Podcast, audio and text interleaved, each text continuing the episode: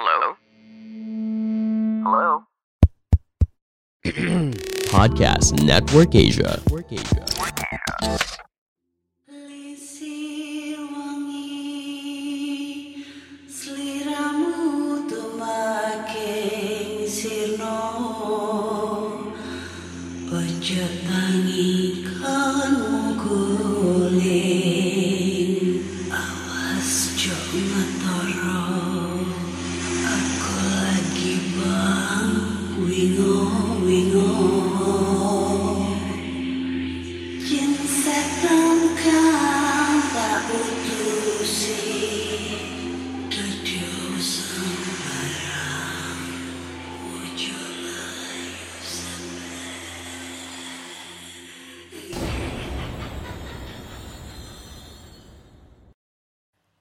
Assalamualaikum warahmatullahi wabarakatuh.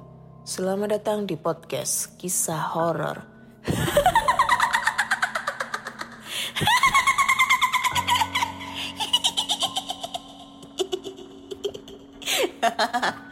Ketemu lagi dengan aku Ana di sini akan bacakan cerita horor ataupun email berhantu yang sudah dikirimkan teman-teman melalui podcast kisah horor at gmail.com atau ada Instagram podcast kisah horor DM Instagram Ana Olive serta Google Form yang linknya tersedia di bio Instagram podcast kisah horor. Ketemu lagi di episode 102. Wih, gak kerasa banget ya udah episode 102. Dan apa yang kalian temukan di episode 101 kemarin? Ada yang baru ya. Ya itu dah, podcast kisah horor itu udah ada yang baru dengan audionya yang jauh lebih bagus dari yang sebelum-sebelumnya. Terus apalagi ya cerita yang lebih horor lagi, nggak tahu tergantung yang ngirim ya ceritanya. Dan juga ya pokoknya lain dari yang lain lah. Karena podcast kisah horor sudah bekerja sama dengan Podcast Network Asia. Jika kalian penasaran apa itu Podcast Network Asia ataupun Podcast Network Indonesia, Asia Indonesia, kalian bisa langsung aja eh, mampir ke Instagramnya, cek-cek di Instagramnya Podcast Network Asia atau Podcast Network Asia Indonesia. Terus podcast kisah horor bakal tayang itu seminggu dua kali dari hari Selasa dengan hari Kamis. Jadi hari Selasa dan Kamis podcast kisah horor bakal update episode terbaru. Nah, kan mantep kan? Seminggu dua kali. Yang biasanya seminggu sekali, kadang dua minggu sekali, seminggu tiga kali. Jadi ini sekarang bakal aku mantepin hari Selasa sama Kamis. Lebih terjadwal ya. Jadi buat kalian semua yang belum follow podcast kisah horor di Spotify, buruan follow biar kalian selalu update cerita horor terbaru. Kayak gitu deh. Agak sombong dikit gak apa-apa kali ya. Oke. Hah, tanpa berbasa-basi lagi, kita langsung aja ya baca-bacain cerita. Karena aku udah bosen membahas rutinitas setiap hari di sekitar aku ya. ya hari ini tuh biasa covid. Covid lagi covid lagi covid lagi. Dan kemarin itu udah dua hari itu udah total tujuh orang yang meninggal. Jadi aku nggak mau berpikiran yang aneh-aneh mau berpikiran yang positif. Pikirannya yang positif ya bukan covidnya yang positif. Covidnya harus negatif. Pikirannya harus positif. Jadi nggak mau bahas-bahas tentang masalah covid.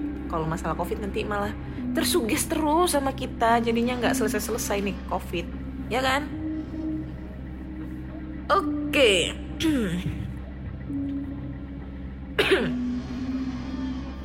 cerita pertama datang dari email. Langsung aja kita bacakan ceritanya. Assalamualaikum. Selamat malam Kak Ana. Saya Cumen Project. Saya berasal dari kota Sukabumi, Jawa Barat saya mau berbagi cerita saya ketika saya dan tiga teman saya mendaki Gunung Salak. Langsung saja ke cerita. 20 Juni 2017, saya dan tiga teman saya yang bernama Bom Bom, Dedo, dan juga Iki berempat dengan saya mendaki Gunung Salak. Kawasan rangkaian gunung ini termasuk ke dalam wilayah Kabupaten Sukabumi dan Kabupaten Bogor. Jawa Barat. saya diajak mendaki oleh Dedo. Selang beberapa hari kemudian saya berangkat mendaki. Kenapa memilih Gunung Salak? Karena Dedo mempunyai sanak saudara di perkampungan dekat Gunung Salak. Saya lupa dengan nama desanya. Kembali lagi ke cerita. Sebelum mendaki, seperti biasa, berdoa terlebih dahulu untuk diselamatkan di perjalanan. Di awal perjalanan, saya dan Bom Bom melihat Iki seperti ketakutan atau panik saat mendaki. Bom Bom di situ berinisiatif untuk menanyakan ke Iki. Ki, lu kenapa? Kayak ada yang gelisah gitu. Ada yang dirasa bukan di badan lu, kayak kurang enak badan. Hah, apa gimana gimana? Ki, lu kenapa? Kayak yang gelisah. Ada yang dirasa di ada yang dirasa bukan di badan lu, gitu katanya kali ya. Iya nih, kayaknya kurang enak badan. Iki pun menjawab.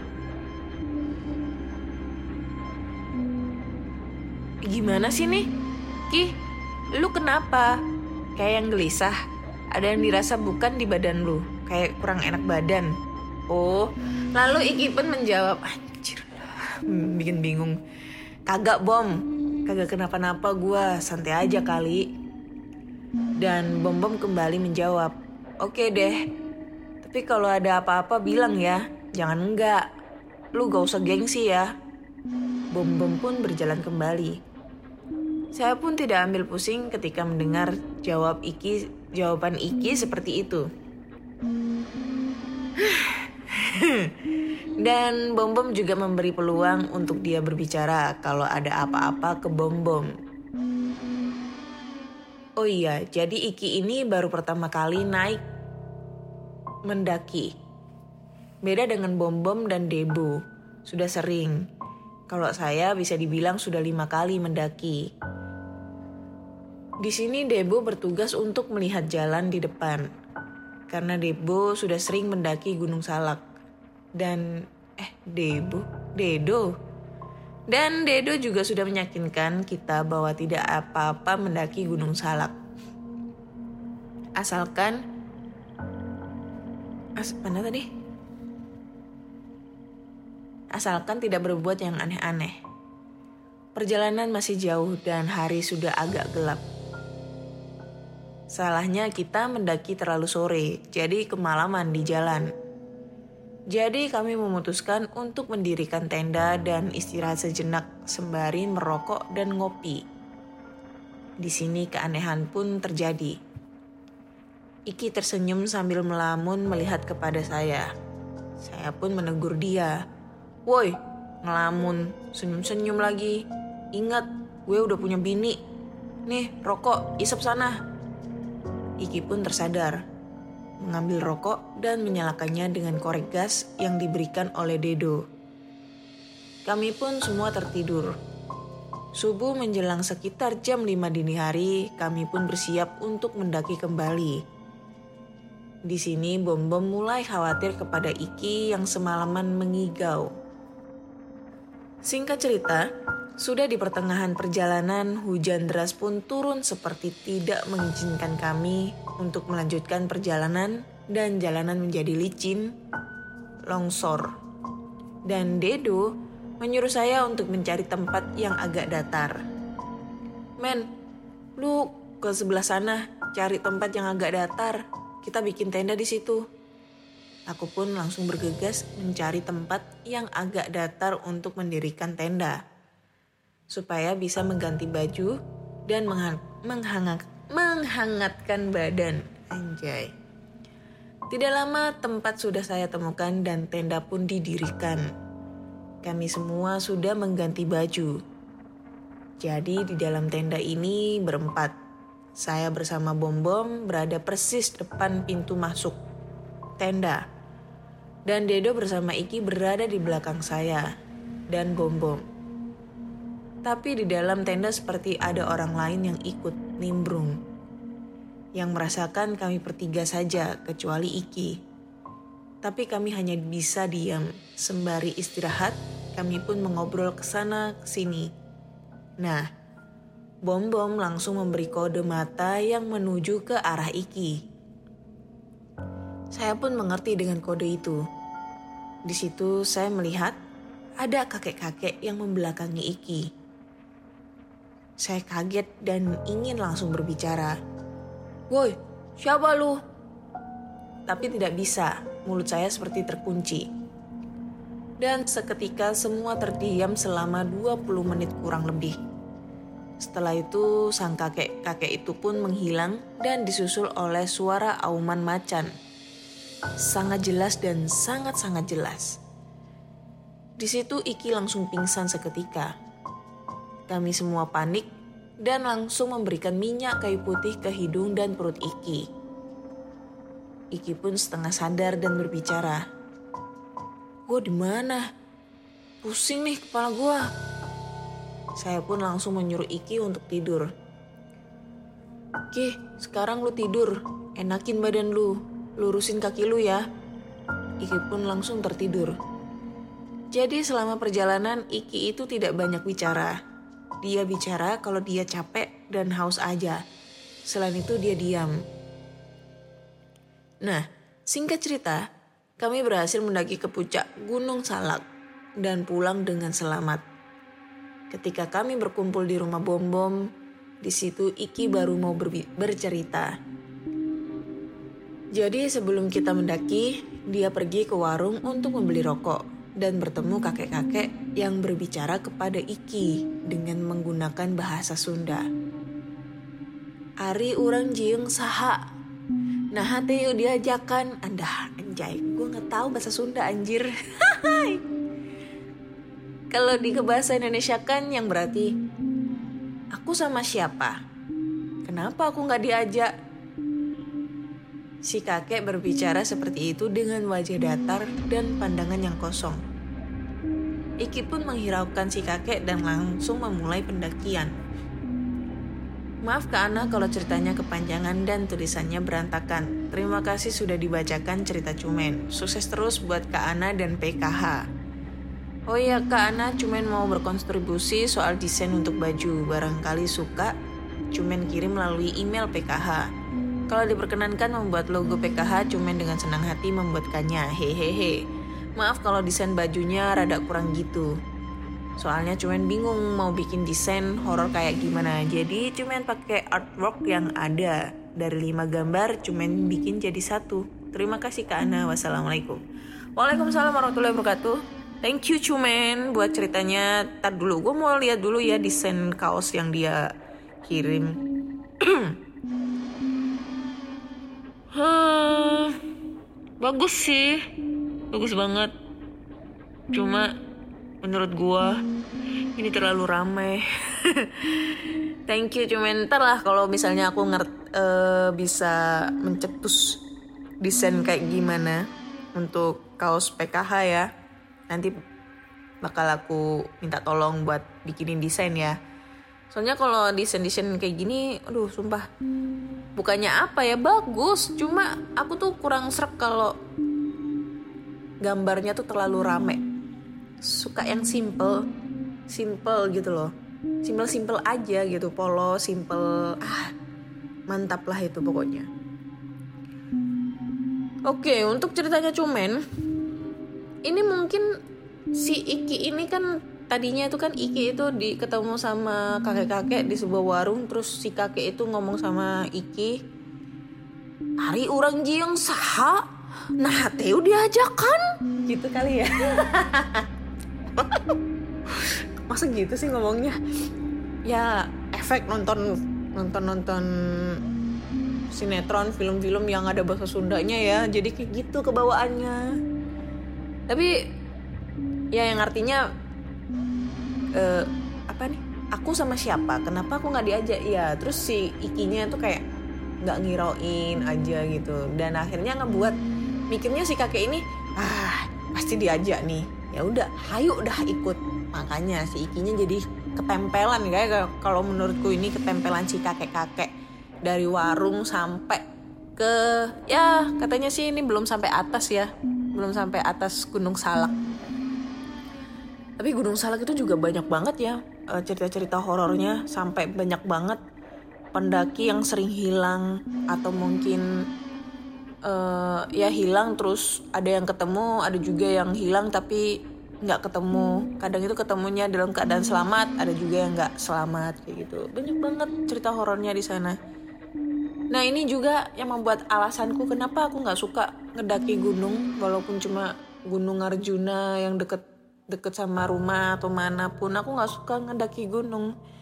Selain capek ngedaki gunung, jangankan daki gunung, gue mau naik tangga tiga tingkat aja udah capek anjir, apalagi daki gunung. Kebayangkan capeknya kayak gimana? Ngap-ngapan, kurus aku nanti jadinya. Terus di satu sisi juga, wah takut hilang gue, sumpah. Takut, takut hilang, terus nggak ketemu, ketemu-ketemu dalam keadaan bentuk bangke gitu kan. Aduh nggak mau gue, sumpah. Makanya gue nggak suka kalau diajak ngedaki gunung gitu kan. Kalau misalnya ke pantai ke mana, gue suka kayak gitu. Dan ya itu tadi lah pokoknya mungkin si ya benar sih si ikinya ini tidak berkata kotor tidak melakukan hal-hal yang negatif maksudnya negatif tuh kayak kencing sembarangan tempat atau ngomong ya itu tadi berbuat hal yang tidak menyenangkan itu kayak berkata kasar, berkata kotor atau mungkin buang sampah sembarangan kayak gitu ya. Itu enggak sih, cuma si ikinya cuma ketemu kakek-kakek di warung terus si kakeknya ngomong nggak diajak tapi ikinya melengos gitu kayak ya nggak ngiroin langsung balik gitu langsung ngedaki gunung. Dari situ mungkin si kakeknya mikirnya wah nih orang nggak sopan nih nggak ngejawab aku nanya. Akhirnya ditempelin tuh dah sampai atas. Ya untungnya juga si ikinya baik-baik aja gitu loh nggak nggak sampai terjadi hal yang tidak diinginkan dalam hal seperti apa ya eh, kesurupan atau mungkin yang membuat dia meninggal kayak cerita sebelumnya ya. Kalau pernah kalian tahu cerita yang sebelumnya yang ada salah satu episode lupa aku episode berapa yang nggak salah judulnya itu mendaki gunung merapi yang sampai akhirnya temennya si pencerita ini ngedaki gunung berdua itu meninggal. Itu udah serem banget itu sudah. Apa ya ibaratnya itu kalau kita mendaki terus ketemu sesuatu hal yang horor sampai ngebuat nyawa itu melayang itu udah bagiku tuh udah horor banget udah serem udah aduh nggak bisa diungkapin dengan kata-kata itu. Coba kalian cek aja di cerita episode berapa ya aku lupa.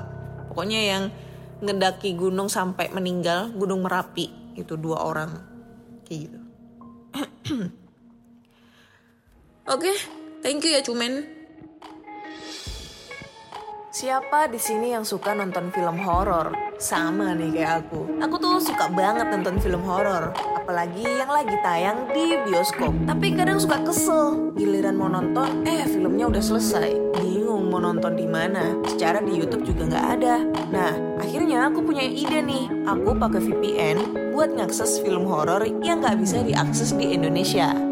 Aku kerjasama dengan NordVPN melalui Podmetrics supaya kamu bisa mengalami pengalaman yang sama nih kayak aku. Mereka lagi punya promo 73% untuk rencana 2 tahun plus 4 bulan gratis.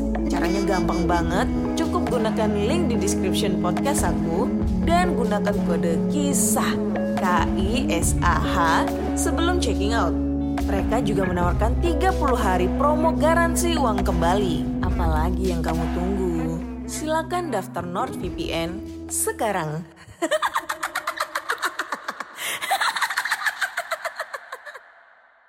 Cerita berikutnya ini dari siapa ya? Gak mau disebut namanya. Oke, judul ceritanya adalah Shift Malam. Assalamualaikum Kak Ana. Mohon jangan disebutkan nama saya ya. Jadi cerita ini berdasarkan kisah nyata di tempat kerja aku sekarang dan makhluk ini masih ada sampai sekarang di tempat kerjaku. Jadi aku gak berani nulis ini di tempat kerja. Ini dia ngomongnya gue gue. Aku aku rada sanksi nih ngomong gue lo gue lo. Wong Jawa eh gak tahu ngomong gue lo gue lo.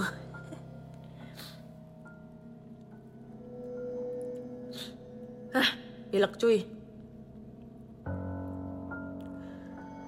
Oke, lanjut. Gue kerja di salah satu restoran di Bandung. Dan yang mau gue ceritain ini adalah kumpulan cerita yang ada di sekitar tempat kerja gue yang gue alamin juga bersama teman-teman kerjaan. Oke, first, mereka hidup berdampingan sama kita. Itu benar. Tapi terkadang mereka suka usil. Kalau mereka udah cari perhatian sama kita, kita harus ngapain sih? Oke, jadi langsung aja sosok yang ada di tempat kerjaan kita ini namanya William. Entah ini nama asli dia atau bukan. Yang pasti kita terbiasa buat panggil dia Baby William. Kehadiran dia sudah kami rasakan dari sejak lama. Arah depan, yang sebenarnya tempat cuci piring, tapi gak ada orangnya hari itu. Jadi sosok ini nunjukin diri kayak anak kecil. Yang awalnya anak dari salah satu owner kamu, eh kami di sini. Oh, iya, iya. Paham, paham, paham, paham. Jadi dia itu si baby William ini nunjukin nunjukin diri kayak anak kecil yang menyerupai salah satu anak dari ownernya di situ ya. Gue sebagai yang memang bisa lihat aja, ngeliat dia persis kayak anak kecil. Oke, kita berlanjut. Gangguan dari anak kecil ini semakin terasa pas kita masuk jam malam kerja. Shift malam di resto gue itu jam 2 sampai 11 malam. Gangguan dari eh kadang kalau weekend dan tamu nggak pulang bahkan sampai kita udah mau tutup tenan. Bisa jam 12 malam deh. Oke, sebenarnya semua ramai karena satu shift. Bisa ada 10 sampai 12 orang gabungan anak server, bar, dan kitchen yang harusnya gue rasa tidak terlalu menyeramkan.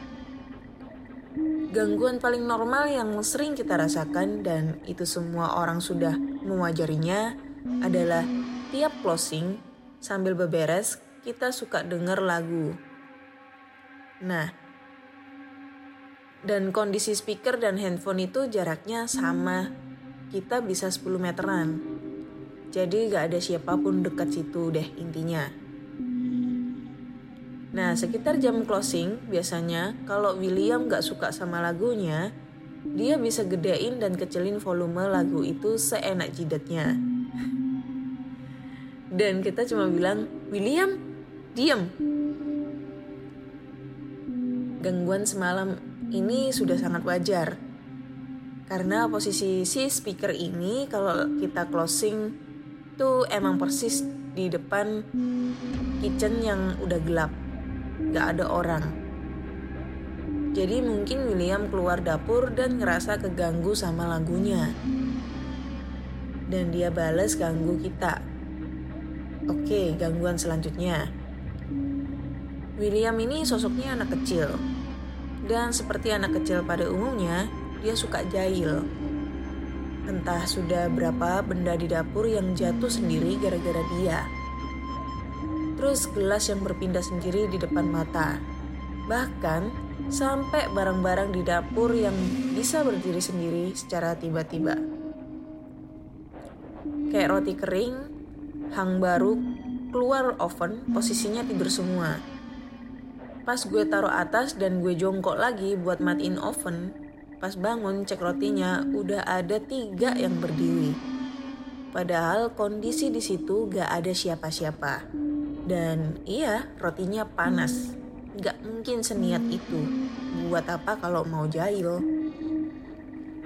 Lalu gangguan William ini makin ekstrim.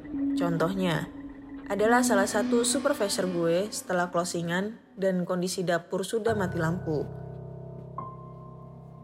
Dia lupa kalau helmnya ketinggalan di dapur.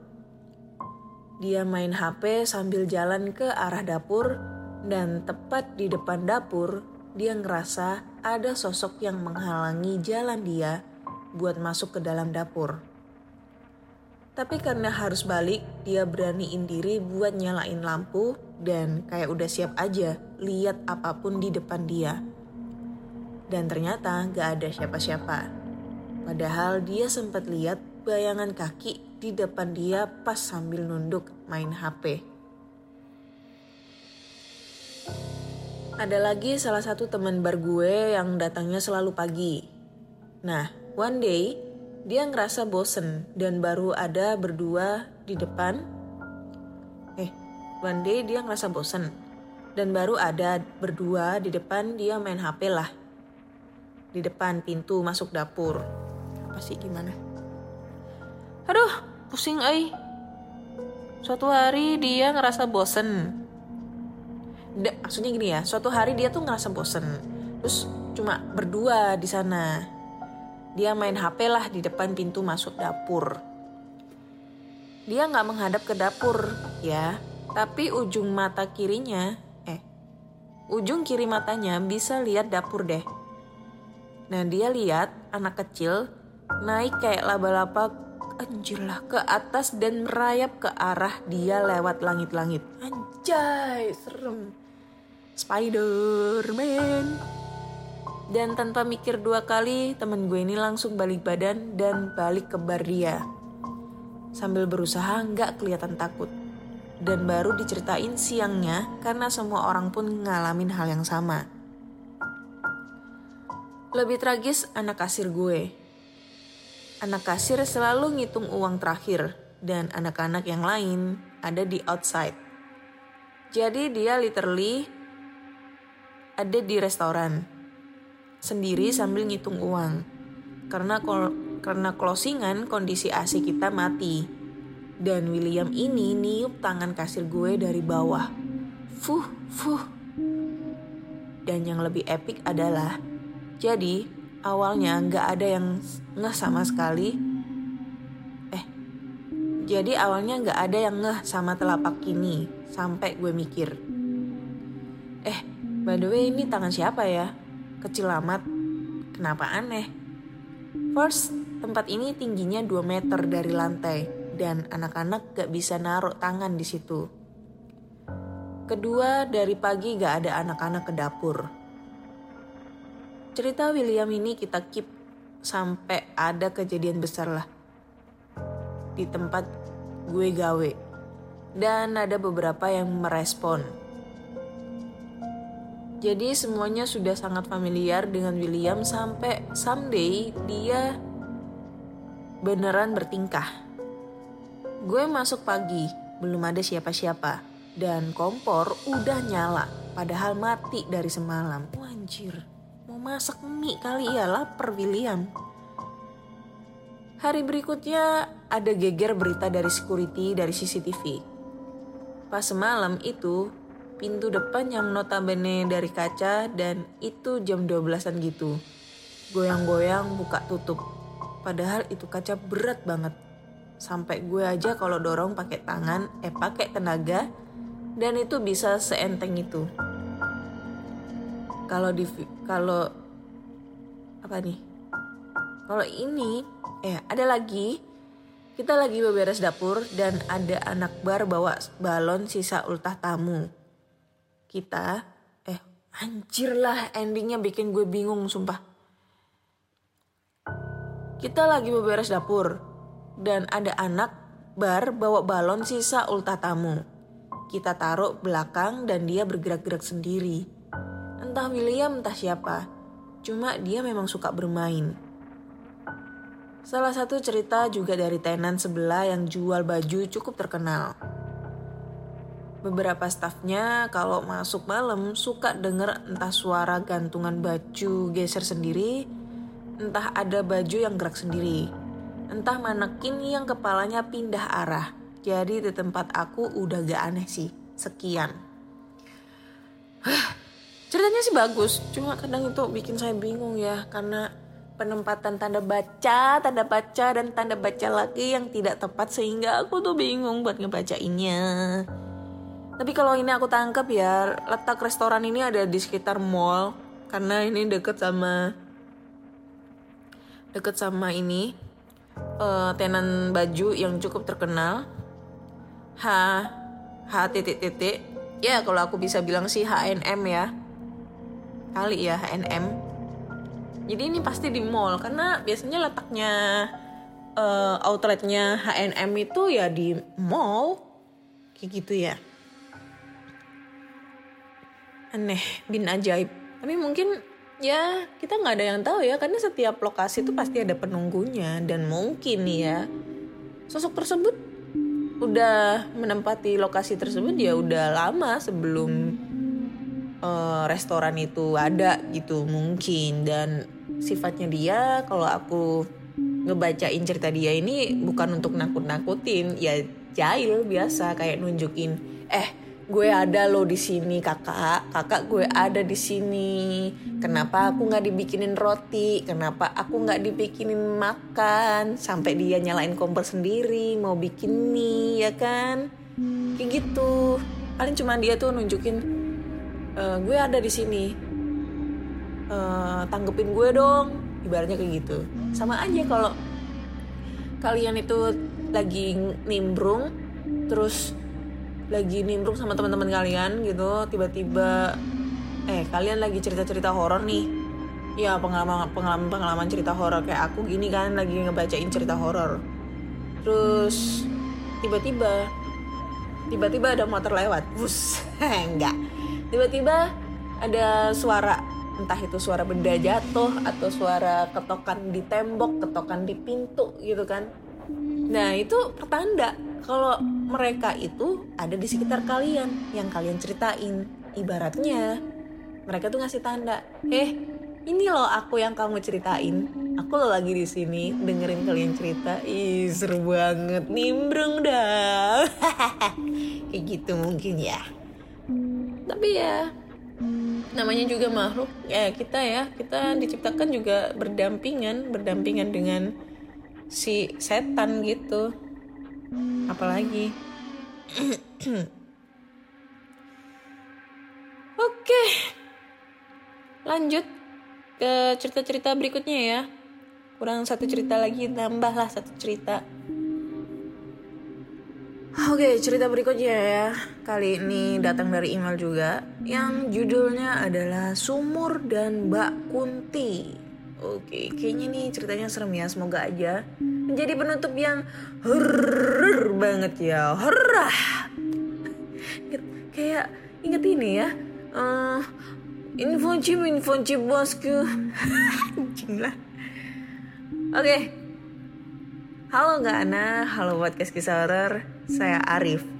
Saya tinggal di Jogja, tepatnya di Bantul. Wih, deket nih sama rumah saudara bapak gua maksudnya. Ini kisah lama pas gue masih SMA, kira-kira tahun 95. Wanjay, gue 95 masih TK. Desa kami sangat pelosok, ujung timur Bantul. Penerangan di sana belum seheboh sekarang. Listrik dimatikan kalau udah jam 8 malam sehabis Isya.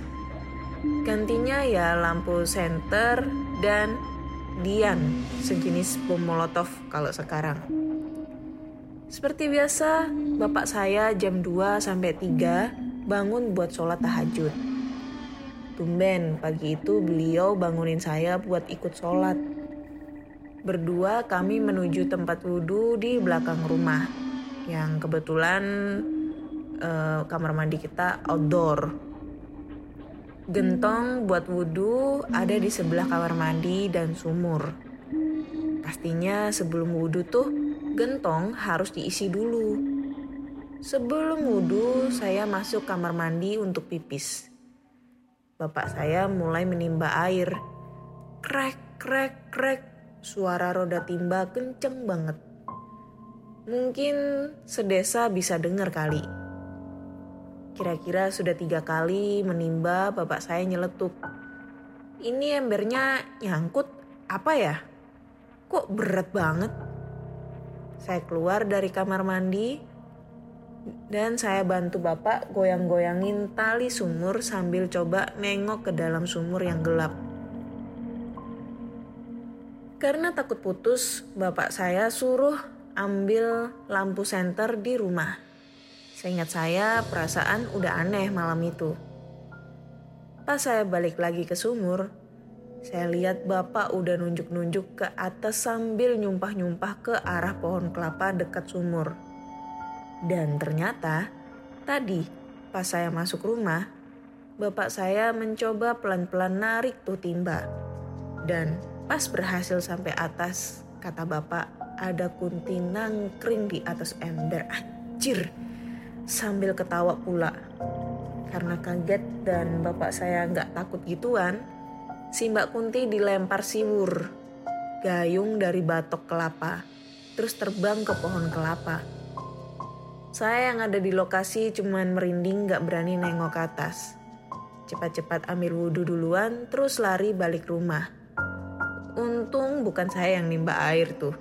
Bisa pingsan kalau ditarik embernya yang nangkring Mbak Kunti. Sekian kak cerita dari aku. Mohon maaf kalau ceritanya terlalu pendek dan belibet atau mungkin kurang serem. Next akan aku ceritakan tentang pengalaman-pengalaman lain di desa aku. Sukses terus buat podcast kisah horor. Thank you Mas Arif untuk ceritanya. Ini uh, cerita ending yang sedikit agak serem ya. Karena aduh, tahun 95 itu aku masih TK itu.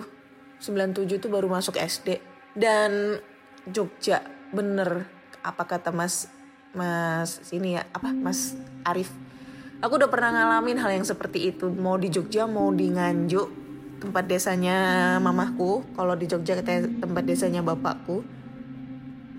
Ngebayangin banget apalagi yang di Jogja ya. Kalau kita mau mandi mau boker mau nyari air gitu ya. Apa ibaratnya kayak ya nyari air kalau misalnya sumurnya kuring, kita nyari airnya di kali, bro. Kita mau boker juga di kali, mau mandi pun juga di kali. Dan kebayang dong, seperti episode-episode sebelumnya yang udah pernah aku ceritain, kalau kita mau boker, mau mandi, apalagi bokernya tuh tengah malam ya, itu tuh kita harus ke kali dulu cuy, malam-malam, entah itu jam 12, entah itu jam 11, entah itu jam 10, itu harus ke kali dulu dan jalan perjalanan antara rumah rumahnya nenekku dulu sama kali itu bisa sampai satu setengah kilo lah. Pokoknya jalan jalannya itu ngelewatin rumah-rumah warga yang rumahnya ini agak berjauh-jauhan. Terus lewatin kandang-kandang sapi. Kadang itu kalau senter kita nyorot di kandang sapi kandang sapinya itu gerak-gerak. Apa lonceng yang ada di lehernya tuh kayak bunyi-bunyi telinting telinting telinting. Aduh sumpah serem banget. Belum lagi masih inget banget kalau misalnya mau ngambil air di sana karena kebetulan uh, di rumah nenekku dulu itu gak ada sumur ya. Jadinya kita itu ngambil airnya itu di sumur deket kali. Karena di deket kalinya nenek deket kali di kampungnya nenekku itu ada sumur warga gitu loh. Sumur untuk khusus semua warga di sana. Jadi ngambilnya di sana. Aduh sumpah. Ngebayangin juga sih. Pernah juga nimba dulu ngebayangin kalau seandainya yang kita tarik itu adalah sosok hantu gitu. Kebayang kan? Ya kalau mungkin anak zaman sekarang nggak pernah yang namanya nggak pernah ngerti namanya nimba sumur pakai katrol yang roda itu terus talinya itu dari taliban kita ngambil narik narik apa itu? Narik embernya buat ngambil air. Aduh mungkin anak zaman sekarang nggak pernah ngerti kayak gitu. Tapi kita dulu tuh ngerti banget anak 90-an anak 80-an aduh ngalamin banget. Tapi semenjak setelah gempa Jogja itu yang besar-besaran tahun 2006 itu akhirnya jarang banget deh uh, warga sekitar itu nyari airnya itu aksesnya dari kali. Maksudnya kalau tengah malam kebelet boker atau apa itu ke kali. Karena udah dibangun kamar mandi sendiri-sendiri di setiap rumahnya. Aduh sumpah. Ke, kebayang tuh seremnya kayak gimana coba. Nggak bisa kebayangin deh. Ah endingnya udah mulai agak gregetnya ya tapi sayang banget ini gregetnya di ending anjir lah. Hah, oke lah kalau gitu. Oke buat teman-teman semua terima kasih sudah mendengarkan podcast kisah horor. Dan jangan lupa kirim cerita kalian kalau kalian punya pengalaman cerita horor entah itu cerita pribadi dari diri kalian sendiri dari ayah ibu kakek nenek pacar selingkuhan tetanggamu atau siapa pun itu juga kalian bisa langsung aja kirim ceritanya ke podcast kisah horor at gmail.com ataupun di DM Instagram podcast kisah horor DM Instagram Ana Olive serta Google Form yang lainnya tersedia di bio Instagram podcast kisah horor. Jangan lupa follow Instagram podcast kisah horor dan jangan lupa follow podcast kisah horor di Spotify agar kalian selalu update cerita-cerita horor terbaru. Dan nantikan podcast kisah horor di mendatang. Akhir kata saya Ana dan kami pamit. Bye bye. Pandangan dan opini yang disampaikan oleh kreator podcast, host, dan tamu tidak mencerminkan kebijakan resmi dan bagian dari podcast Network Asia. Setiap konten yang disampaikan mereka di dalam podcast adalah opini mereka sendiri dan tidak bermaksud untuk merugikan agama, grup etnik, perkumpulan, organisasi, perusahaan, perorangan, atau siapa pun dan apa pun.